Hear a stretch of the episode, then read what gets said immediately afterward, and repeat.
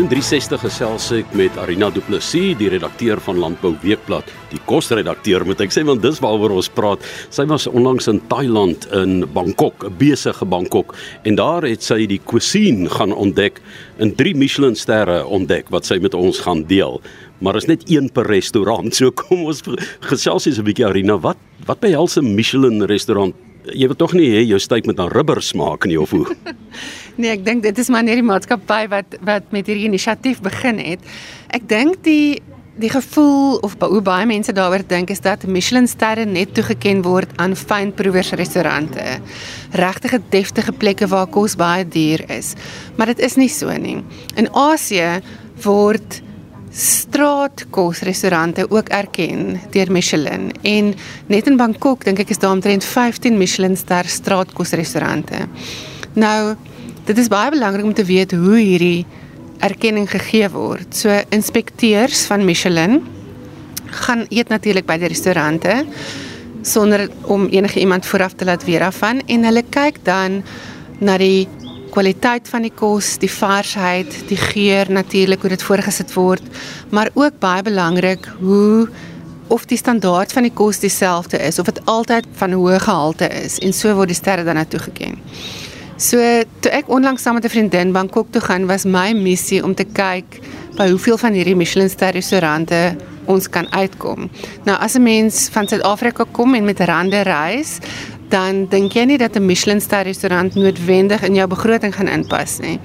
Maar in Asië kan jy dit baie definitief bekostig. Straatkos in Asië is goedkoop mens moet weet dat daar 'n groot verskil tussen straatkos en kitskos is. Straatkos word van rou bestanddele gemaak, vars. Dit vat lank om te maak. Dis nie kitskos wat binne 5 minute reg is nie.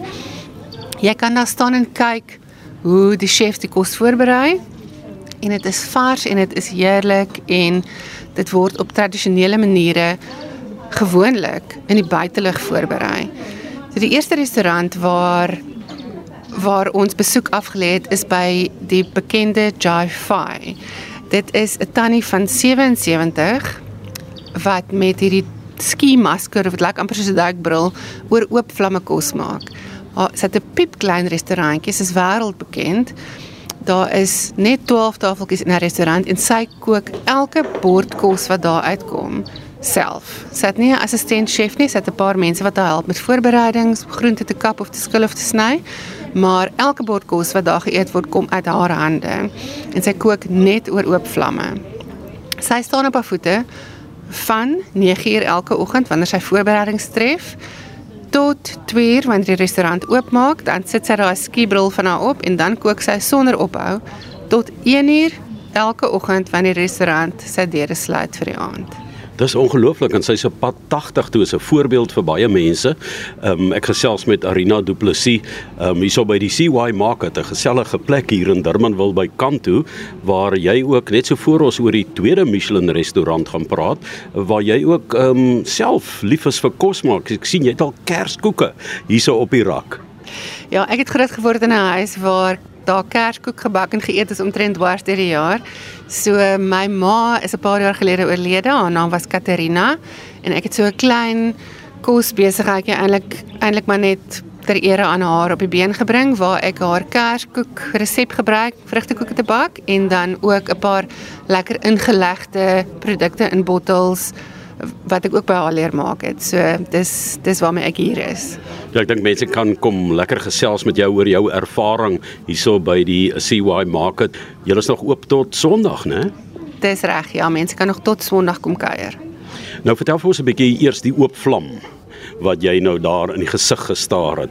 Kon jy praat met haar? Is sy toeganklik terwyl sy werk en wat het jy toe geëet daar? Sy, daar's groot tekens op dat 'n mens nie daar mag fotos neem waar sy besig is om te staan en kos maak oor hierdie vlamme nie. Sy hou nie daarvan nie. Sy sê dit trek haar aandag af. Maar mense ignoreer natuurlik daai tekens want ek dink as jy as jy daar is en jy sien dis nogal skouspelagtig hierdie groot vlamme wat rondom haar opgaan en sy is hierdie piep klein vroutjie wat met die reusagtige woks oor die vlamme kos maak. So ek het ook die reëls oortree en 'n paar foto's geneem, maar nee, sy gesels nie met die publiek nie. Ek het hulle program oor haar gekyk en sy's eintlik dierbaar en vriendelik, maar ek kan verstaan dat as mens vir soveel ure op jou voete staan en jy's verantwoordelik vir so baie kos, dat jy nie lus is om geselsies met mense te maak nie.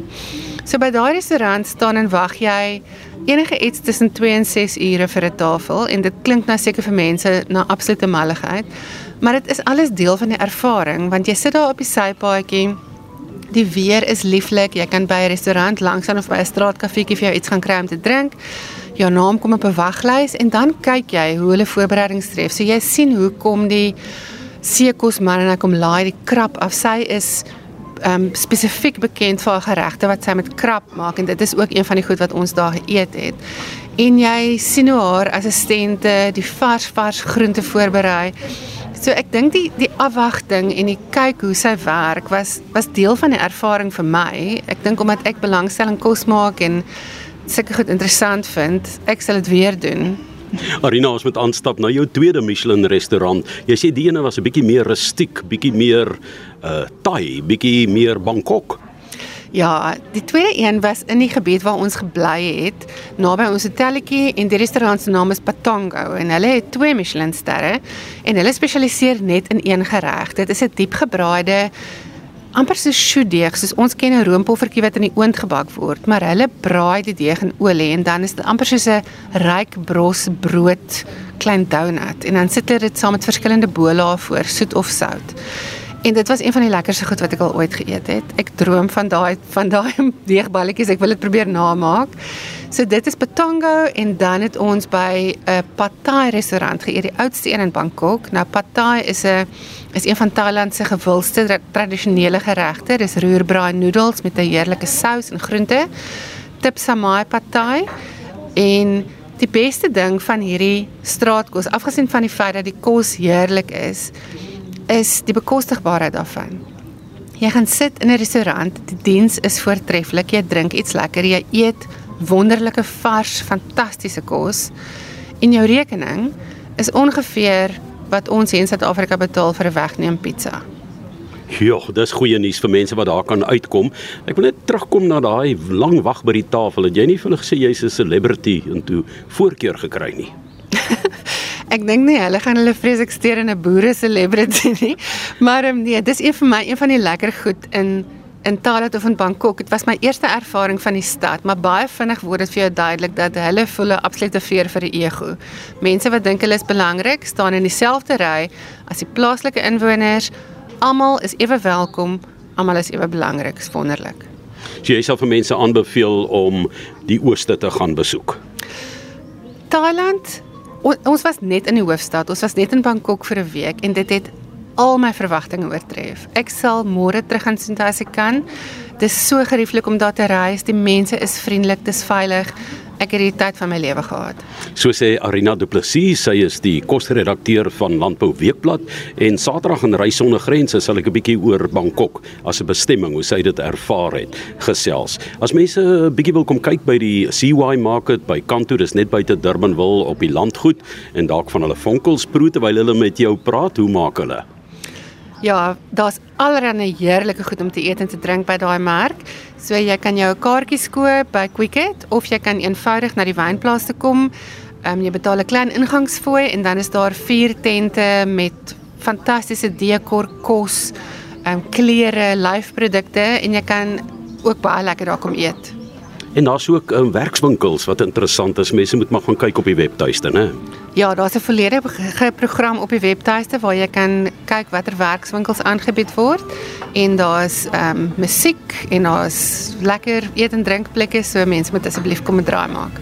Kom na Durbanville en CY. Dit is die CY mark wat uh, buite Durbanville by kant toe gehou word waar ek met Arina Du Plessis uh, gesels het. En onthou Saterdagoggend in Reis sonder grense praat ek weer met haar.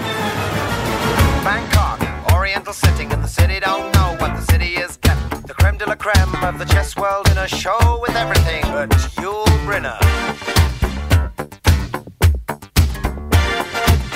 Time flies, doesn't seem a minute since the Tyrolean spa had the chess bars in it. All change, don't you know that when you play at this level, there's no ordinary venue? It's Iceland, or the Philippines, or Hastings,